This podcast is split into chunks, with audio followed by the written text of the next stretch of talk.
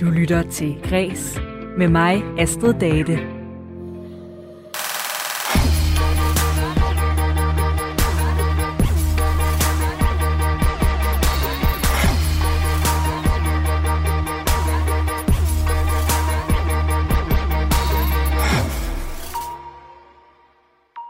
Siden april, der øh, har du igen kunne komme i IKEA og blive øh, mere eller mindre frustreret, når du øh, står ved kassen og opdager, at øh, du lige har glemt den øh, bordsko, når du skal også komme efter og må gå den lang vej tilbage, og hvor er det nu, de lige har placeret dem i varehuset.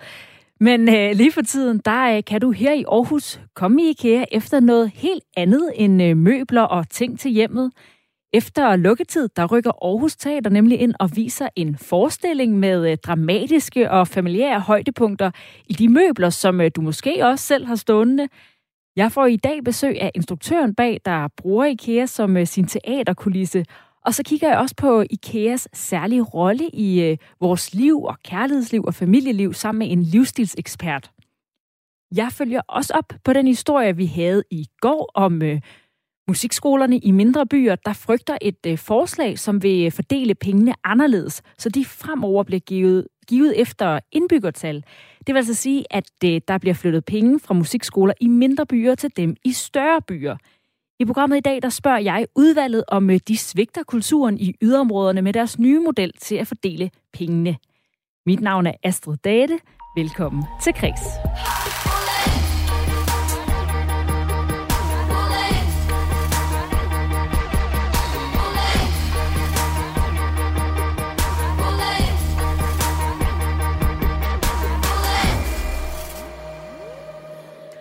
Og vi begynder altså programmet i dag i IKEA. Plads til at springe over, for gader lavst. Plads til... Shh. Flade tallerkener, dybe tallerkener, kaffekopper og plads til aftensmad eller noget derhen er. Plads til nye idéer og til at eksperimentere. Plads til fuck-ups og break-ups og make-ups. Plads til hele familien og vennerne og underboen og til dig selv. Plads til livet. Det her var fra øh, en af deres reklamer, og øh, vi er ikke taget IKEA i dag for at kigge på tallerkener eller prøve en seng. Vi skal tværtimod i teatret. Aarhus Teater opsætter nemlig lige nu forestillingen i Varehuset her i Aarhus, der hedder Kærlighed efter lukketid. Og du har jo sandsynligvis selv været i IKEA og gået igennem deres øh, sådan møbeludstillinger af forskellige stuer og køkkener og soveværelser. Og efter fyraften, der bliver de her øh, møbeludstillinger så til kulisser i den nye teaterforestilling. Den inviterer publikum med ind i øh, sådan nogle gamle, kendte ægteskabsdramaer af dramatikere som øh, Ibsen og Strindberg og Bergman. For eksempel kan du opleve højdepunkter fra Henrik Ibsens klassiker Et dukkehjem, som øh, nogen måske kender om kvinden Nora, der bryder ud af et undertrykkende ægteskab. Eller der er også noget af Bergmans teaterstykke Scener fra et ægteskab, hvor vi også får en mere moderne fortælling om et ægteskab i krise. Og instruktøren på forestillingen Kærlighed efter lukketid har jeg fået med mig her i studiet i dag. Velkommen til dig, Line Poulsen. Jo, tak skal du have. Og du er norsk og har lovet at tale lidt langsomt i dag for, øh, for mine og lytternes skyld. Hvorfor øh, sætter du dit teaterstykke op i IKEA? Jamen, øh, vi har jo valgt ut en række ægteskapelige dramaer av Ibsen, Strindberg, Bergman og Norén. Og disse stykkene handler jo om familieliv, kærlighedsliv og parforhold. Og så synes vi at Ikea jo er det stedet som symboliserer nettopp eh, familielivet og kjærlighetslivet og parforholdet. Man kommer til Ikea når man skal eh, flytte sammen med sin kjæreste for første gang. Det er drømmen om eh, parforholdet og drømmen om familielivet eh, som jo stykkene behandler, og eh, Derfor synes vi jo at det passer riktig godt. Jeg kan også godt sætte mig ind i det her med, at der er noget særligt over tage IKEA, både sådan symbolsk i, at man bygger rede, men også de her forestillinger om familieliv, som udstilling i butikken også kan sætte i gang hos en. Og hvad er dit, sådan, hvad er dit eget forhold til IKEA? Jamen, jeg har jo været uh, i IKEA mange gange, både med kærester og alene, og uh, synes jo nettopp at ja, stedet er et slags hverdagsrom for eh, de fleste. Vi kjenner det så godt. Vi eh, har møbler fra Ikea stående hjemme i vår egen leilighet. Ehm, så jeg syns det er noe spennende i å arbeide med teatret i et sånn hverdagsrom. Eh, og møte publikum i et sånn hverdagsrom.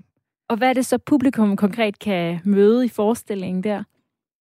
Men uh, de vil jo møte karakterer fra diverse stykker som har uh, flyttet inn i butikkutstillingen Stuer, kjøkken og soveværelser.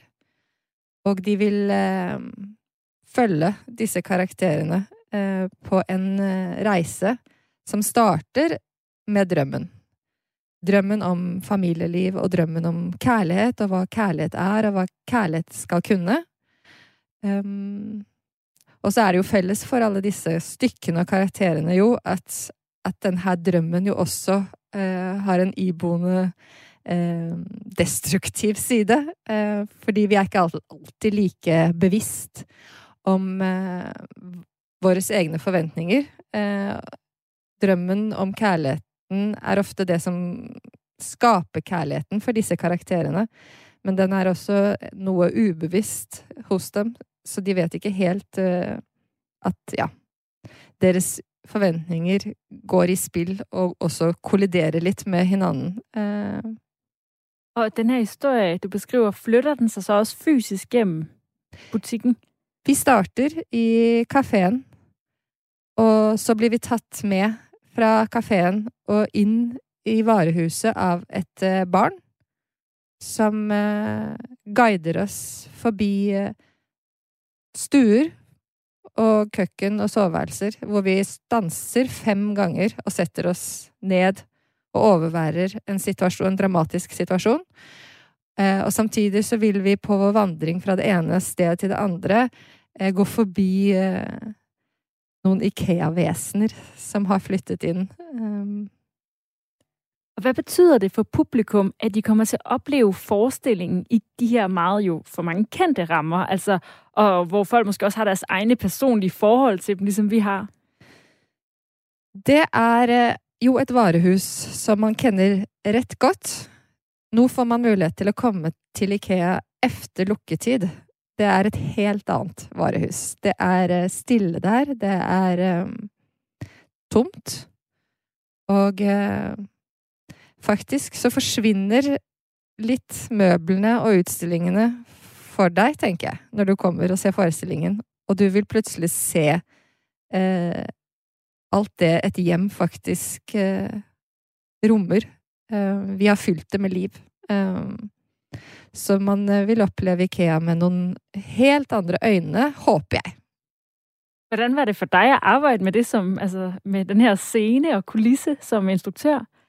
Jeg syns det har vært mer spennende um, øhm, å se ja, hva vi så kunne altså, få ut av de begrensningene det jo er i å få servert en helt ferdig uh, øh, teaterkulisse. Uh, stuer som er fylt opp innen eh, øh, vi går i gang med arbeidet.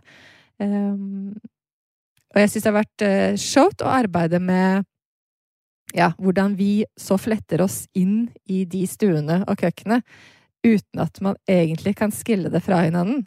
Altså, man kan ikke helt se hvem eh, Hvem er vi, og hvem er Ikea? Vi har jo tatt ting med oss inn i rommene eh, som, ja Krasjer med en plastikkappelsin. Eh, så har vi jo tatt moskeen eh, ja, en ekte appelsin inn. Eh, og ja, latt en kaffetrakter sirkle.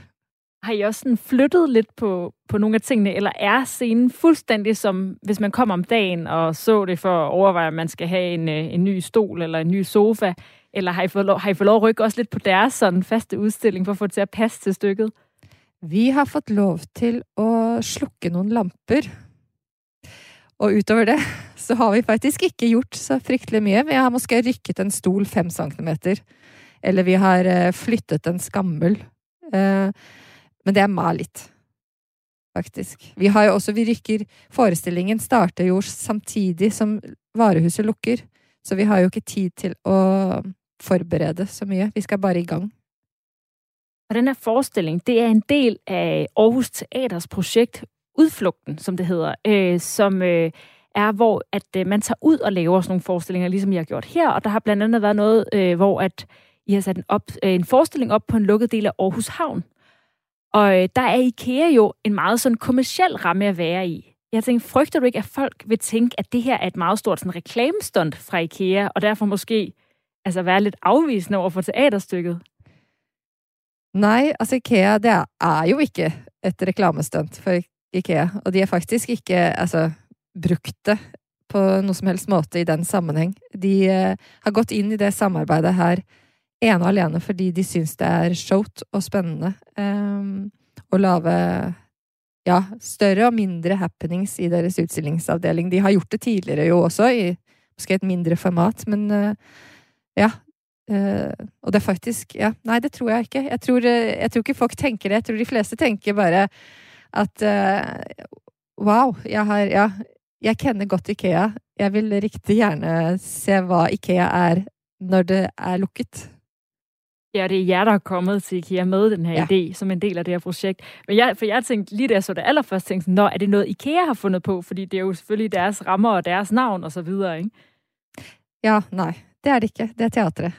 Og hvad er det? Fordi det, det er jo, og grund til, at jeg valgte de her rammer, det er jo, som du siger i starten, at IKEA har det her, at det, det sådan er for os, det er nogle meget sådan familiære ting, og nogle livsforandringer og sådan noget. Hvad er det, øh, du med teaterstykket vil læse? Hvad er det for nogle øh, temaer, I tager op der? Jamen, øh, vi tager op øh, vårt parforholdssyn, som er øh, Nå er det jo her stykker som er skrevet for over 100 år siden, mange af dem, Ibsen og Strindberg. Ehm, men de kan man relatere rett lett til også i dag, fordi vårt parforholdssyn er rett konvensjonelt fortsatt. Både ja, hvordan Altså, vi ser på kjønnsroller og familiestrukturer og eh, Vår reise gjennom Ikea etter lukketid er eh, jo en reise som går litt fra det her konvensjonelle synet og, og den drømmen vi har, som rommer litt det her konvensjonelle synet, og så er det jo faktisk et, et brudd med det eh, til sist. Så selvom det er 100 år gamle stykker, som vi jo tager fat i, så er det også øh, nogen, der har nogle aktuelle budskaber i virkeligheden. Ja. Eh, jeg synes Ja, vi har jo Altså, det er jo te tema kærlighet og, parforhold ligger jo nært de fleste av oss. Eh, og eh, ja, jeg tenker jo, eller håper, at publikum jo eh, kan relatere til det og kan gå hjem og tenke over sitt eget parforhold og sitt eget kjærlighetsliv og eh, måske bli klokere eh, på seg selv i det. Eh, vi kan jo ofte være litt eh, Jeg syns være litt dumme i forståelsen av, av hva kjærlighet skal kunne for noe. Um, så hvad du siger, at øh, når folk går hjem, når publikum går hjem, når de er færdige efter lukketid, efter stykket, hvad er du så, du håber, at øh, de tager med sig fra forestillingen? Men jeg håber jo egentlig at vi i første omgang kan øh, ramme dem på noget, og at de har øh, øh blivet berørt og blivet grepet av, øh, av scenene de har øh, sett. Tak for det, Line Poulsen, der altså er instruktør på øh, Aarhus Teaters forestilling Kærlighed efter lukketid. Og det er en forestilling, som altså spiller i IKEA ved Aarhus, og den kan opleves frem til 18. juni. Og IKEA er jo øh, nærmest en øh, kulturinstitution i sig selv. De her varehuse har i hvert fald en lidt særlig rolle i vores liv, som vi også lige har snakket om. Vi kommer der for eksempel i forbindelse med store livsforandringer, som når vi som unge flytter hjemmefra, når vi flytter sammen med en kæreste, når vi får børn eller går fra vores partner og flytter igen. Og senere i øh, programmet, der taler jeg med Erik Remmer, der er chefredaktør på boligmagasinet Bo Bedre, om den her særlige betydning IKEA har haft og jeg stadig har i vores liv.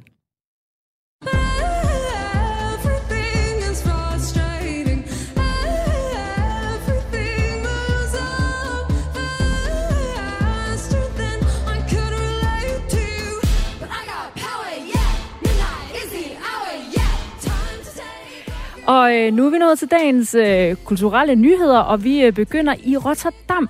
Her er der nemlig på lørdag finale i øh, Eurovision Song Contest. Og i går var den første semifinale for at finde de endelige deltagere. Men øh, ikke alt er jo helt som det plejer, og heller ikke i Eurovision, hvor at de øh, på grund af corona for første gang ikke havde alle deltagerne med live. Og øh, Australiens øh, vindersang, som vi lige hørte øh, lidt af her, kunne derfor ikke øh, høres live i salen. I stedet var Australien med via video. Det fortalte de her på Radio 4 i morges. Og øh, ja, om det var øh, teknologien eller sangens kvalitet, der gjorde udfaldet, det, øh, ja, det ved jeg ikke. Men øh, i hvert fald nåede Australien ikke videre til finalen. Om øh, Danmark til gengæld gør, det finder vi ud af i øh, den anden semifinal, som foregår i morgen.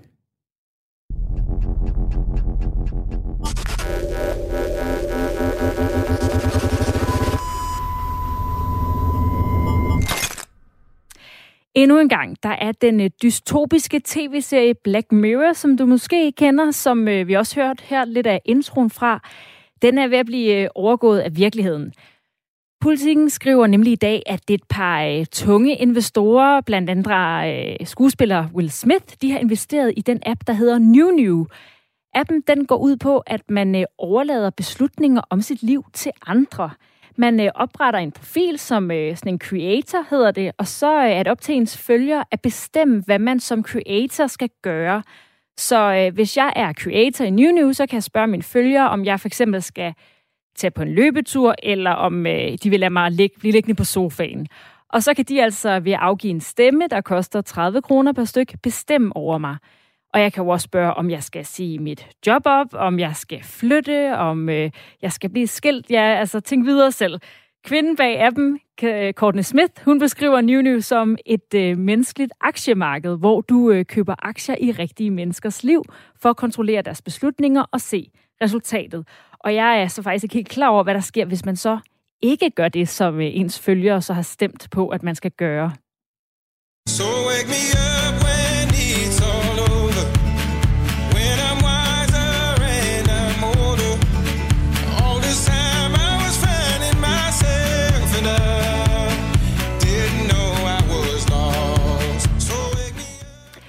Stockholms øh, kugle runde koncert og sportsarena Globen, den har i dag fået et nyt navn. For nu af, der skal du i stedet google Avicii Arena, Arena hvis du skal, uh, Avicii Arena, hvis du skal til koncert i den svenske hovedstad. Arenaen har fået sit navn efter at den svenske DJ Avicii, der for tre år siden døde som uh, bare 28-årig, og som vi hører her i baggrunden. Svenske SVT de skriver, at Avicii Arena ud over navneskift, navneskiftet nu også skal være et, øh, et forum, der gennem en række tiltag skaber samtaler om unges psykiske sundhed. Blandt andet så skal der holdes en årlig musikgala, hvor man øh, fokuserer på emnet. Du lytter til Græs med mig, Astrid Date. Pengeposen skal rystes, når det kommer til fordelingen af midlerne til landets MGK-centre. Der skal nemlig laves en ny aftale for, hvordan pengene fra 2022 til 2025 skal fordeles på de forskellige musikskoler. Derfor har det, der hedder projektstøtteudvalget for musik, som ligger under Statens Kunstfond, der altså fordeler de her midler, de har lavet et forslag om at øh, fordele antallet af studiepladserne på musikskolerne efter områdets befolkningstal, altså lave en ny fordeling. Og det betyder i praksis færre penge til skolerne i de mindre byer, og det har så i de seneste uger skabt en del debat. Forslaget er blandt andet blevet kritiseret for centralisering og for at svigte talentmassen uden for storbyerne. Her er det for eksempel øh, leder af MGK Sjælland, Thomas Winter i TV Øst, der er øh, lidt kritisk. Det er politisk tonedøvt, og det vil betyde en udsultning af kultur- og musikområdet i en række yderkantsområder. Og øh, nu kan jeg så byde velkommen til øh, Michael Bøjsen. Velkommen til Kreds. Mange tak for det. Du er øh, udvalgsleder for projektstøtteudvalget for musik og bestyrelsesleder for stat i øh, Statens Kunstfond. Ja. Og øh, jeg vil gerne høre jer, eller høre dig, om øh, det her udkast til ny fordeling af midlerne, om det er med til at udsulte kulturen i yderområder som for eksempel øh, Køge eller Kolding og Holstebro. Altså, det, det mener vi jo ikke, det er. Øh, det er klart, at vi har fået en bunden opgave, der hedder, øh, vi har 41,9 millioner kroner, som vi bruger på NPK-området. Der har historisk været en skævvridning af det her, og det meget omstændigt at komme ind på, men det er selvfølgelig på det tidspunkt, der amter og kommuner nedlægges og, og bliver overtaget af regioner, og staten går ind i det her arbejde. Så der har været en skæv fordeling af midlerne i, øh, siden 2009. Det har vi prøvet at rette op på. Øh, vi har prøvet at kigge på forskellige øh, faglighed øh, bag det her, øh, og der er jo mange af de her øh, MGK-centre, der, der har den udfordring, at de har øh, tyndt befolkede områder. Det har Nordjylland, øh, lige så vel som Fyn har det, øh, lige så vel som faktisk alle MGK-centrene har denne her udfordring. Hvordan får vi fat i de øh, talenter, som, øh, som ligger i nogle øh, yderområder, hvor, hvor, som er tyndt befolket. Det er de alle sammen, det kæmper de alle sammen med. Så det her er ikke en, en centralisering, det er ikke et ønske om at tilføre de, større byer flere penge eller midler, men det er simpelthen et spørgsmål om, at vi fra Statens Kunstfond siger, at vores vigtigste opgave er at fordele midler til kunst, og, og i det her tilfælde til øh, kunstuddannelser, på den, på den, øh, den, øh, til hele landet øh, og til alle øh, borgere, uanset hvor de bor hen. Det, det har været vores opgave i den her øh, sammenhæng. Og lederne af MGK, øh, altså internt de forskellige steder i landet, er jo heller ikke helt enige om det her. For eksempel så Nej. Lars Ole Vestergaard fra MGK Øst, Østjylland i Aarhus, han er en af dem, der bakker op om øh, jeres øh, nye fordeling. Han siger, at den i mhm. praksis mm. skaber flere elevpladser, hvis man kigger samlet på landsplan. Men mm. øh, så er der Jens Blok, som er leder i MGK Sydland. Han er, han, det var han overhovedet ikke enig i, da vi havde ham med i går. Mm. Jeg har et klip med ham her. Hvis det ikke var et udtryk for fuldstændig total talgymnastik og blande, øh, han har sagt, tal fra forskellige opgørelser sammen, som man blander pærer og bananer, så kunne der jo muligvis være noget om det. Men det er rent skrivebordsarbejde, og statistik er jo taknemmelig. Hvis vi kigger på den øh, begrundelse, som projektstøtteudvalget for musik selv bruger i forhold til den fremtidige fordeling, der fremgår det klart, at MGK Syd går fra 40 årligt optagende til 27. Er det ikke øh, et problem i dine øjne, at MGK Sydland går fra 40 årligt optagende til 27? Jo, men øh, jeg vil starte med at sige, at det er jo op til de enkelte MKK's øh, center, hvordan de vil, øh, hvordan de får deres midler. Øh, der, der står ikke skrevet sten, det her, at der skal være øh, 40, så skal det være 27. Altså det, det er jo et spørgsmål om, hvordan NK-centerne selv øh, forvalter deres øh, midler. Vi har, det her er jo en del af en meget stor evalueringsrapport, der også peger på, øh, hvordan man kan få en større sammenhæng i, mellem alle de MGK-elever, som er i hele, på hele landet, altså, og hvordan man, hvordan man bruger midlerne.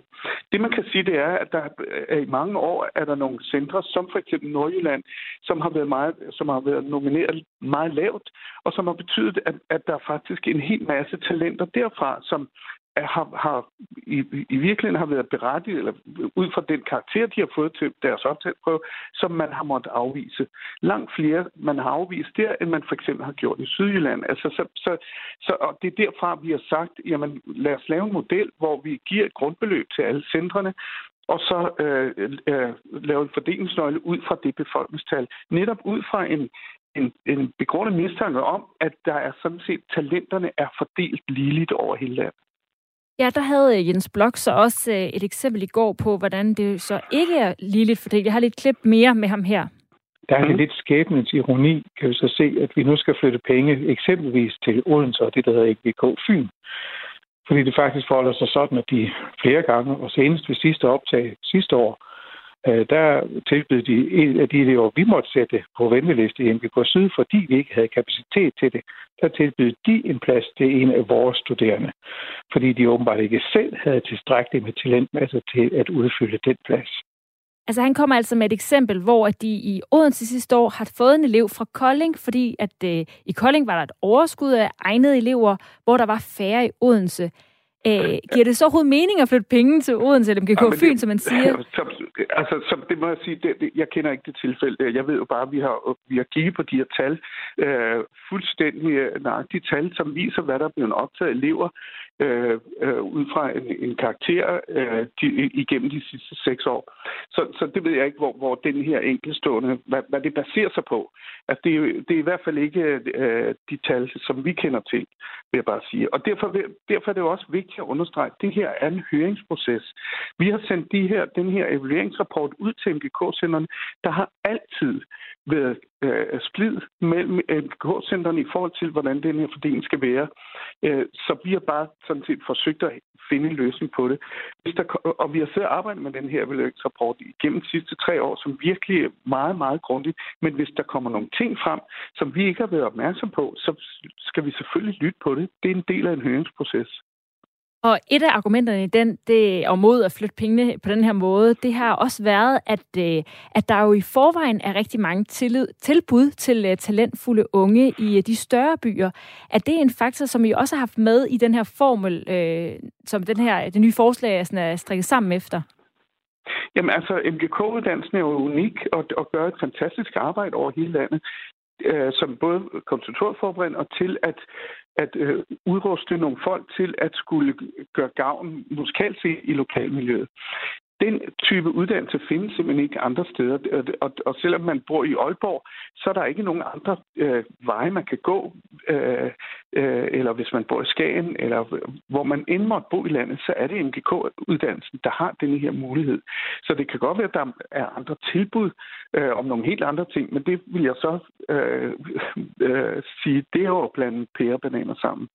Er det... Øh, fordi det her MGK-tilbud er unikt. Øh, ja. Ja, det lyder også, som om I kiggede lidt på, hvad kan man sige, de tørre tal, når jeg lavede det her, og hvor mange er der optaget de forskellige mm. steder? Jamen, altså det er klart, altså det her er ikke bare en skrivebordsopgave. Vi har jo, hvis man læser rapporten ordentligt, så vil man kunne se, at vi har en masse musikfaglige øh, øh, argumenter øh, inde på mange forskellige områder. For det, det er jo selvfølgelig det, vi har kigget på musikfagligt, og vi har kigget på et landsperspektiv. Det er det, Statens Kunstfond er der til at, at, at, at, at kunst, som sagt, til hele landet. Og ud fra det har vi bare skønnet, at denne her var en mere rimelig fordeling, hvor vi, hvor vi sikrede, at så mange talenter som muligt på hele landet øh, kom, blev tilbudt denne her uddannelse ud fra et, et, øh, et, et, ja, ud fra det her princip, øh, som baserer sig på befolkningsunderlaget. Øh, og jeg vil også øh, virkelig sige, det her er ikke et spørgsmål om, at vi ønsker at centralisere noget som helst. Det er op til det enkelte MGK-center at lave de her satellit- og de her samarbejds- og partnerskoler øh, i øh, alle yderområder, som de vil. Øh, og det håber vi, at de fortsætter med. Det er der mulighed for, selvom man har skåret nogle pladser væk. Ja, så, øh, så det er en musikfaglig begrundelse, kan man sige. Øhm, så er øh, der også spørgsmål om, hvad kan man sige, den værdi, der er sådan for lokalmiljøet, altså som ikke nødvendigvis mm. handler om musiktalenter, men hvor MBK Sydjylland igen mener, at, øh, at de overser den værdi, musikskolerne har for lokalmiljøet. Og kan den ikke også være en, altså en vigtig faktor i forhold til at finde egne musiktalenter? Også en del af formålet, som jeg læste i det her MGK, er også det der med at stimulere øh, de sådan, lokale og regionale musikliv. I den grad. Og det, det, den værdi øh, anerkender vi 100 procent. Øh, og det er også vores øh, forventning, at øh, MGK-centerne øh, tager sig af det her område.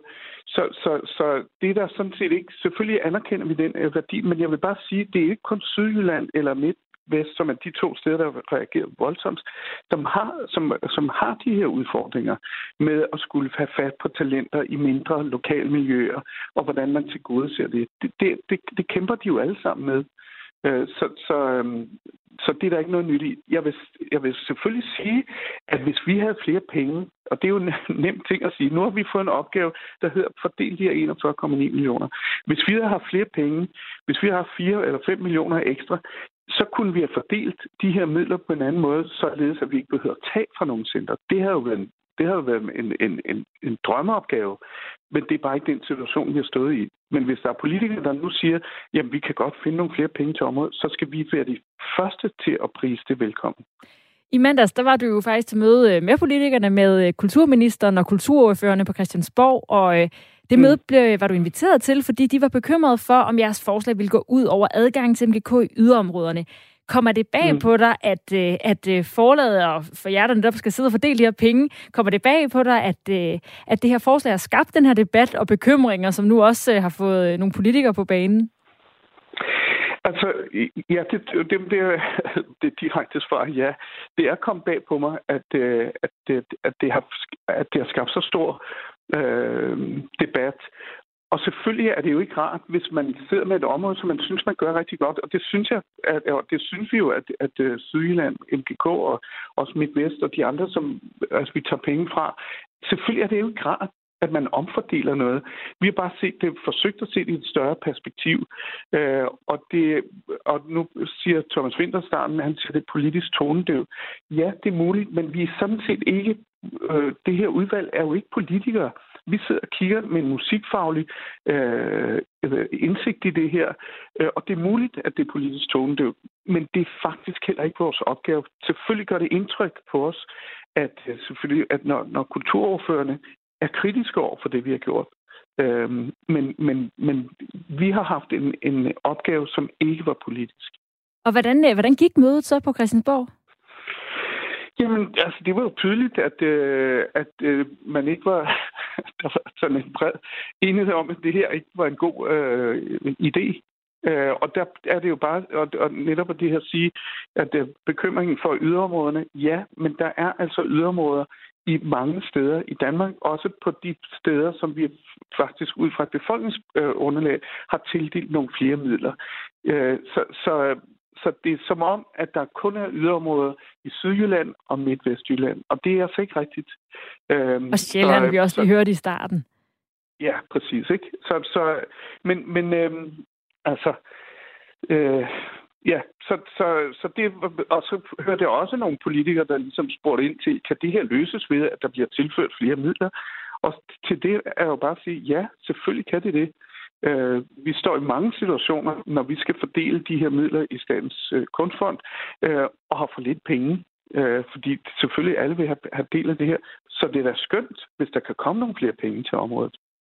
Og nu er jeres øh, rapport med det her forslag til en ny fordelingsmodel af pengene i høring hos de enkelte MGK-center, som du også siger, og de skal vende tilbage mm. til jer senest den 25. maj. Indtil videre, der er det mm. især MGK, ja, Sydjylland, Sjælland og Midtvest, der har stillet sig på bagbenene. Tror du, at øh, I kommer til at ændre på forslaget? Det er, jo, det er jo svært at sige, for vi ved ikke, hvad der kommer ind på denne her høring. Som jeg sagde, så er det her ikke bare en eller anden hovsa øh, skrivebords øh, overnight-beslutning. Det er noget, som vi har siddet og arbejdet med i rigtig lang tid. Øh, men som jeg også siger, det er da klart, at hvis der er nogle ting, som vi har overset i det her, og man skal også huske, at vi har været i dialog med MKK-centrene, hvis der er nogle ting, vi har overset, så hører vi da på det. Det er klart. Øh, og mere kan jeg jo ikke sige, fordi det er en høringsproces. Så, så, så vi afventer og ser, hvad det er for en tilbagemelding, vi får. Tusind tak, fordi at, øh, du var med her, øh, og god arbejdsløst med det, Michael Bøjesen. Tak for det. Som altså er bestyrelsesleder for Statens Kunstfond og udvalgsleder i projektstøtteudvalget for musik. Og de håber altså at have aftalen om fordelingen af pengene til MKK-centrene klar, før projektstøtteudvalget går på sommerferie. Du lytter til Græs med mig, Astrid Date. Og øh, munden, du kender udtrykket om øh, IKEAs parforholdstest, eller øh, muligvis selv har stået i den, det er det her med, at øh, hvis I kan tage IKEA sammen, kom hjem med et øh, skab eller lignende, og øh, samle det, uden at øh, rive hovederne hinanden, slå op og gå fra hinanden, ja, så kan I nok godt finde ud af at være sammen resten af, af livet i virkeligheden. Sådan lyder øh, tesen i hvert fald. Øh, og jeg taler om øh, IKEA i dag, fordi Aarhus Teater er aktuelle med forestillingen Kærlighed efter lukketid, hvor de simpelthen flytter både skuespillere og publikum ud i IKEA her i Aarhus, når varehuset er lukket om aftenen. Og så kan man ellers opleve højdepunkter om ægteskab og parforhold fra nogle af de sådan helt klassiske teaterstykker, sådan nogle 100 år gamle dramatikere som Ibsen og Strindberg, der udspiller sig gennem IKEAs møbeludstillinger. Men IKEA har nærmest også som en uh, hel institution i sig selv påvirket vores uh, moderne liv over flere generationer. Både med deres reklamer og deres produkter, der er de sådan med til at skabe en fortælling om, hvordan man lever det gode liv, det gode parforhold eller familieliv. Og uh, det kan du fortælle meget mere om, Erik Remmer. Ja, goddag. Goddag, velkommen Erik Græs. Du er chefredaktør på Bolig, Boligmagasinet Bo Bedre. Øhm, og jeg øh, postulerer jo lidt her, at øh, IKEA altså nærmest er en øh, kulturinstitution i sig selv, fordi øh, varehuset er med til at sådan, påvirke den måde, vi indretter vores liv på. Er du øh, enig i den betragtning? Her kunne jeg bare sige ja. det er meget det korte svar. Så kan jeg sige, hvorfor? Helt kort tilbage. Man kan sige, at øh, det, øh, den, altså den bedste bevisbyrde på det spørgsmål, det er vel at øh, se på danskernes hjem. Øhm, og vel øh, på nær PH-lampen er, er der vel ikke noget, der har haft så stor indflydelse på danskernes hjem som IKEA.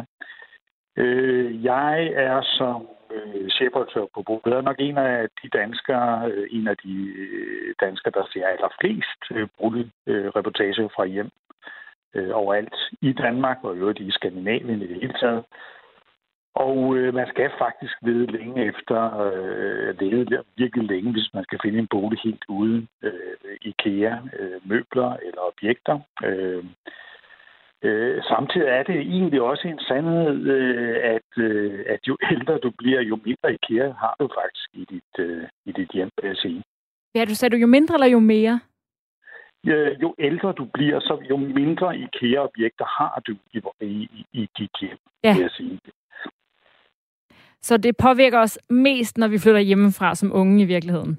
Altså, man kan jo, øh, det er jo sådan, at vi har jo alle sammen et, øh, ja, vi har et liv, men vi har også et boligliv, og det er jo, når vi flytter hjemmefra, det kender vi jo alle sammen, at så, øh, det tror jeg, vi alle har prøvet i hvert fald, at det første hjem, man etablerer, et værelse, et, øh, en lille lejlighed, jamen så er øh, IKEA et, et af de første steder, man tager ud og, øh, og køber øh, objekter. Det kan være møbler, øh, det kan være, ja, det kan være også noget til køkkenet, øh, fordi IKEA tager er jo i dag over alle øh, hjemmes øh, øh, rum. Øh, og øh, så er det jo så, når man så øh, skal etablere måske sit første parforholdshjem, jamen så, øh, så skal man jo, øh, så flytter man jo sammen, og det i sig selv giver jo en masse øh, øh udfordringer. Der er sådan et amerikansk øh, møbelfirma, der for nogle år siden lavede en stor undersøgelse af, hvad, hvad sker der egentlig, når man flytter sammen? Og øh, der er noget med frem til, at man har øh, i gennemsnit 72 skænderier, inden man finder ud af, hvordan tingene skal, skal være. Her kommer noget, nogle, nogle køn også ind. Altså, vi, det, er jo ikke, det er ikke en floskel, at mænd godt kan lide store højtalere og at øh, kvinder godt kan lide øh, sådan flere, øh, øh flere pynteting. Øh, og der, det skaber jo nogle konflikter, kan man sige. Så kommer der jo så næste fase, det kan være, at man bliver gift, det kan være, at man bliver skilt. Og det er sådan i dag, at fordi at vores gennemsnitsalder jo øh, stiger, øh, så øh, regner vi med, at vi i den øh, at vi i den generation, vi nu befinder os i, vil have et boligliv mere end generationen før. Øh, det vil sige, at vi flytter en gang mere. Det kan være, at øh, vi etablerer et større hus, og så flytter vi til byen senere i, øh, i livet. Alt det her giver jo øh, muligheder for en at sælge ting, eller købe ting, eller øh, hvor IKEA faktisk, hvis man ser på det i dag, øh, forsøger at tilpasse sig de her øh, nye boligliv også. Så øh, ja, Altså man kan sige, at der er lidt to ben i det her. Der er det ene med, hvordan øh, helt fysisk, at IKEA ligesom er også med til at indrette vores hjem og øh, også indretter, som du siger, til de nye øh, former for boligliv. Og så er der det andet med, hvad er det også for nogle værdier, de er med til at uh, skabe og formidle om uh, det gode liv. Og hvis vi lige bliver ved det praktiske, øh, mm. så det her med, altså det med at også påvirke, hvordan man indretter sig, der er der jo øh, en masse andre firmaer, der arbejder med at lave såkaldte IKEA-hacks. Kan du ikke lige uh, sætte nogle ord på, hvad det handler om? Ja, øh, det er, vi skal lige nogle år tilbage, jeg tror det er 4-5 år, der, øh, hvor øh, faktisk to-tre danske firmaer og især to svenske firmaer øh, har set øh, det virkelig øh, gedigende øh, øh, opbevaringssystemer, øh, som IKEA har. Det vil sige især i køkkener. Det kan også være, hvis man... Øh, ja, altså garderobeskaber og så videre, men især i køkkener øh, øh har, øh, har IKEA faktisk rigtig gode skuffer og gode øh, skabe. Øh, men øh, da tiden jo også gerne, øh, lige nu er det sådan, at vi helst ikke vil ligne naboen. Altså vi vil hellere, øh, vi vil gerne have noget, der i hvert fald ser lidt anderledes ud. Øh, og øh, der, har, øh, der er der så øh, danske og svenske firmaer, der har, der har etableret øh, flotte, øh, har lavet samarbejde med arkitekter, altså virkelig førende arkitekter, som laver, øh, øh, altså, øh, som pakker de her opbevaringsskabe øh, og skuffer ind på en ja, tidsvarende, mere lækker, mere jamen så kan man vælge sin, sit eget udtryk. Ikke? Og det, det ligger i tid. Øh, og det er jo en måde at få gjort det, få gjort i, øh, IKEA mere noget særligt. Og nu øh, i forhold til så, fordi det er jo sådan også netop det praktiske, hvor de har, øh, hvad kan man sige, udviklet sig, så er der den her fortælling, de skaber, og vi hørte også øh, en, en, en bid af en reklame i starten, og drøm om, øh, hvad der er, altså hvad er kærlighed og det gode familieliv? Hvad er det, IKEA har at sige om øh, det gode liv? Mm, hvis man, her skal vi faktisk egentlig helt, vi skal faktisk helt tilbage til, hvad øh, øh, IKEAs grundlægger Ingvar Kammeret, har, har, har jo været den mest gudsbenåede sælger i verden. Han har jo solgt øh, en, øh, en, øh, en svensk, øh, det svenske folkehjem rundt omkring til hele verden. Det er jo det er i sig selv et, øh, et øh, eksporteventyr, som ikke kun handler om varerne. Det handler også om, om øh, hvorfor er det, vi godt kan lide at sidde omkring et, et spisebord i den her del af verden øh, med øh, en, øh, en øh, flot lampe, en god stol, et, et bord, der måske er rundt eller firkantet. Det bestemmer man jo selv, men det runde bord i øvrigt giver en bedre samtale, vil jeg lige sige, i den her sammenhæng.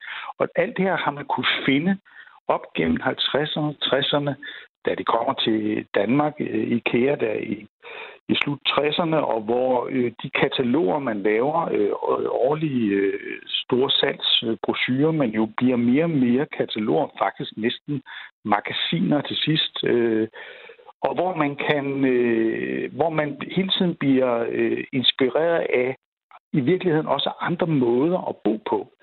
Øh, berømt er jo de her, øh, fra, jeg tror det er fra nullerne øh, op til øh, tierne, hvor, hvor IKEA også på verdensplan øh, fortæller historien om, at øh, to kvinder kan også bo sammen, eller man kan bo mange i en, i en stor lejlighed, eller to mænd kan bo sammen. Øh, og de her øh, de fortællinger øh, øh, har jo været, øh, eller er jo med til at få IKEA hele tiden at være moderne i sit øh, sådan livsopfattelse. Ikke? Og der kan man måske godt tale om, at IKEA også lidt af en uh, kulturinstitution uh, i vores liv. Det synes jeg absolut godt, man kan. Øh, det kan man sagtens. Det er ikke det, IKEA er. IKEA er en forretning. Det skal man hele tiden huske. Altså, det er... Det er øh, men, men, men, men, har, man har virkelig været modig, synes jeg. Øh, især når man ser på de her gamle øh, kataloger, som i øvrigt ligger inde på IKEAs side, som er i sig selv en, øh, jamen det er sådan en tidshistorie og en tidsfortælling øh, øh, om, om, hvordan vi har indrettet os, og hvor man jo også kan opdage for eksempel, at, at man laver et design i 1957, øh, som hedder Ægget. Det er altså to år før den måske mest berømte danske stol bliver lavet af øh, Arne Jacobsen. Så, så nogle gange så er man også så meget foran, altså virkelig foran. Men der er jo også, øh, der var også lejligheder, hvor de så måske ikke har været så modige. Øh, blandt andet har man øh, reduceret en kvinde væk i et katalog, der var tiltænkt det arabiske marked. Hvad er det så, der er på spil der? Men det er jo ren forretning. Man øh, ved, at øh, det øh, billedet, øh, du hentyder til, er et øh, billede af en kvinde, der står i et badeværelse, og øh, det har det fjernet, fordi det kunne slet ikke lade sig gøre i, øh, i den del af verden, altså i Mellemøsten. Øh, det vil øh, provokere, ikke? Og så kan du så sige, så kan vi sige, at det er jo også forfærdeligt, men altså, det, det, altså min pointe er bare, at IKEA er altså en forretning. Og hvis øh, de tilpasser det, så øh, jo for at få, ja, få solgt flest varer. Sådan er det. Og de er jo en, øh, en kæmpe succes som forretning, øh, og det er måske lige dele øh, har noget at gøre med de ja, ting, de laver, og så den her historie, de har fortalt. Nu indledte jeg jo med at fortælle om øh, den her øh, parforholdstest. Jeg ved ikke, om du kender den, men det kunne også godt lyde som om, at, øh, at der var nogle forbedringer, de kunne lave i forhold til at lave sådan nogle mindre øh, svære samleløsninger til os. Jo, altså jeg synes, den der parforholdstest, den jeg synes, det er rigtig nok. Jeg synes, det, den, den består jo af to dele. Man kan sige, det er selve oplevelsen at være i varehuset. Jeg ved, der er mænd, der har glædet sig over, at, at coronalukningen har betydet, at man ikke behøver at gøre det. Øh, man har jo kunnet bestille det online, ikke? og det, det er den ene del af det. Og, det, og, og grund til, at jeg siger det med mænd og kvinder, det er, at altså, vi er bare forskellige, når vi, når vi går igennem sådan et varehus. De fleste, og nu kan jeg jo så kun tale for mig selv, vi går målrettet, altså efter hvad det er, vi skal have. Øh, og det er sådan, det er, og så, jamen, så er der andre, der kan bruge flere timer. Ikke? Det er egentlig ikke det værste ved, den, øh, ved, ved det at købe øh, objekter, man selv skal øh, samle. Det værste er, når man kommer hjem og skal gøre det. Og øh, det er der, testen er. Og det er jo sådan, at det bør man bare gøre øh, selv. Altså, man skal ikke være Altså, mit bedste råd er... Nej, du lyder det. ikke som en, der har bestået testen i hvert fald. Men, øh... Nej, jeg er rimelig utålmodig, men... og, øh, og jeg har selv samlet skab, men jeg har lige... Det her, hvor jeg lige sidder nu i min lejlighed, der skulle jeg have nyt opbevaring, og det fandt jeg faktisk i øh, IKEA. Øh, jeg har også kostumiseret det, altså ved at og, og, og, og, øh, og sætte noget andet stof på og så videre, men øh, jeg betalte mig simpelthen fra at få det samlet øh, af en tømmer, som arbejder en hel dag. Øh, og der var alle skruer øh, heldigvis med. Det er, det, jeg har også selv prøvet, hvor der manglede en skrue, eller også gjorde det forkert. I don't know. Men det kan man jo næsten. Altså. Jamen, så du dumpede, du dumpede, du dumpede simpelthen også single-testen oveni. Tusind tak, fordi du var med her, Erik Remmer, chefredaktør på Boligmagasinet Bo Bedre.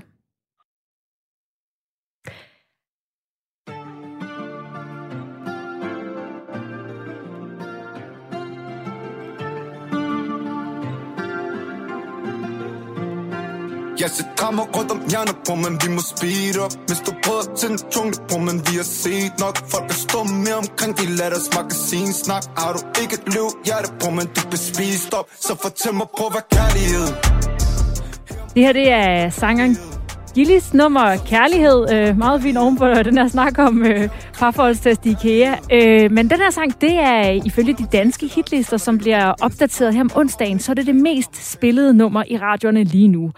Og øh, der er dermed ret stor sandsynlighed for, at øh, du kommer til at høre lige netop det her nummer, og øh, derfor så vil jeg gerne spille noget andet for dig. Så øh, hver onsdag, der præsenterer vi her i Kreds øh, jer for ugens alternativ banger. Altså et øh, alternativ til øh, den musik, som du finder på øh, hitlisterne. Og til at hjælpe med det, der har jeg dig, Thomas Elmasri. Velkommen til. Tusind tak. Du er musiker, kendt med i musik, og øh, du har altså fundet øh, det alternativ, vi skal høre den her uge. Og hvem er det, vi skal høre fra i dag? Jamen, vi skal høre fra det aarhusianske band Les. Og hvem er de? Ja. ja, men de er jo ikke et, øh, et såkaldt nyt navn. De har jo været et band siden 2015, hvor de gjorde sig ret klare, at de, de havde en, øh, en lang og flot øh, fremtid med nogle super stærke singler og en prisværdig første EP, som de så har fulgt op efterfølgende med to andre. Har de så fået en uh, lang og gloværdig fremtid på de, uh, hvad, 5-6 uh, år? Ja, det, det, det synes jeg i hvert fald. Altså, jeg, jeg har virkelig været stor fan af bandet i lang tid, og man kan sige, de har fået anmelder, anmeld, anmelder, roste øh, anmeldelser. Ja, ja og, og hvad, hvad er sådan, øh, det særlige ved deres stil? Jamen, jeg tror, for mig, så er det det her med, at de skubber ligesom til, hvad popmusik egentlig skal være, hvad for en form det skal være, hvad for nogle lyde man bruger, hvordan man fusionerer både funk og disco og øh, R&B og, og lægger lidt nogle andre lag til sådan, den traditionelle pop-klassiker. Øh, vi lige prøve at høre øh, nogle eksempler af det her. Øh, det her Try, det er et af deres større hit.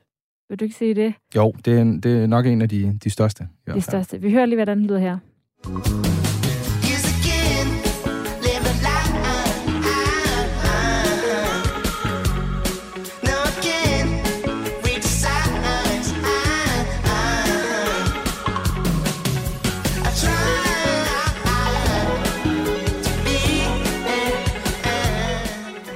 Det var altså Try, og øh, hvis du hører meget på træ, så har du helt sikkert også stødt på øh, det her nummer af dem, der hedder øh, Leave Me on the Floor.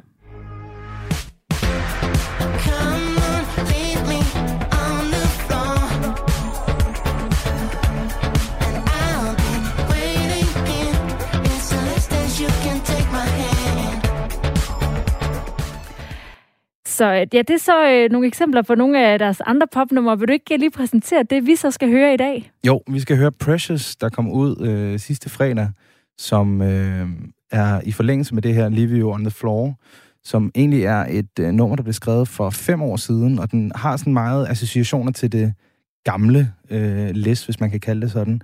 Øhm, det bygger sådan ret meget op omkring sådan en 90'er synthesizer-lyd, der, der har øh, temaet og øh, har en ret stor profil i hele nummeret, som gør det super, super lækkert og ret øh, ja, headbanger-agtigt. Jeg har, I hvert fald, når jeg har hørt det, så har hovedet siddet og gynget, og fødderne har været klar til at danse.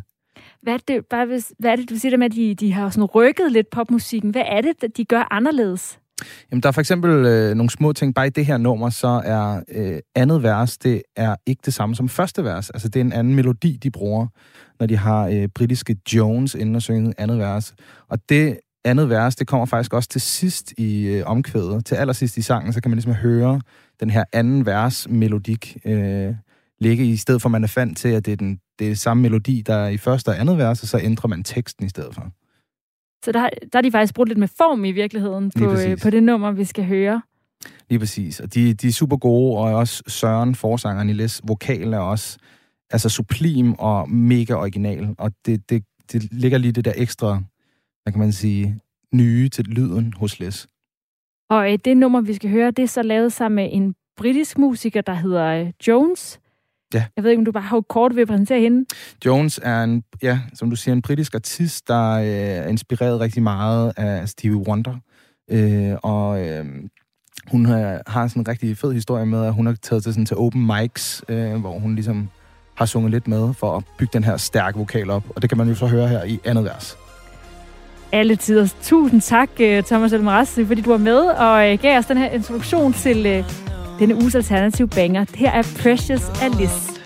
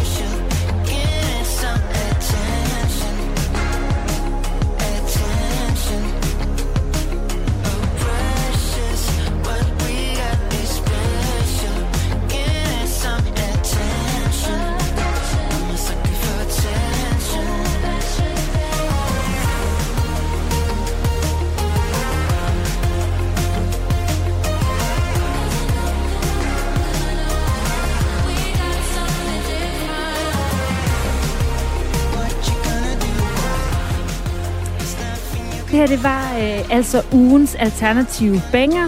Precious, øh, bandet Lisses nye øh, nummer. Og øh, du har lyttet ellers til øh, Kreds på Radio 4. Programmet det er kommet i hus med hjælp fra Mathias Wissing, Lene Grønborg og Karoline Kjær Hansen. Jeg hedder Astrid Date, og vi lyttes ved igen i morgen eller på podcasten, hvor øh, du blandt andet kan finde nogle øh, særudsendelser om øh, kryptokunst og øh, Norge, som jeg lige vil reklamere lidt for her. Men øh, tak fordi du lyttede med i dag.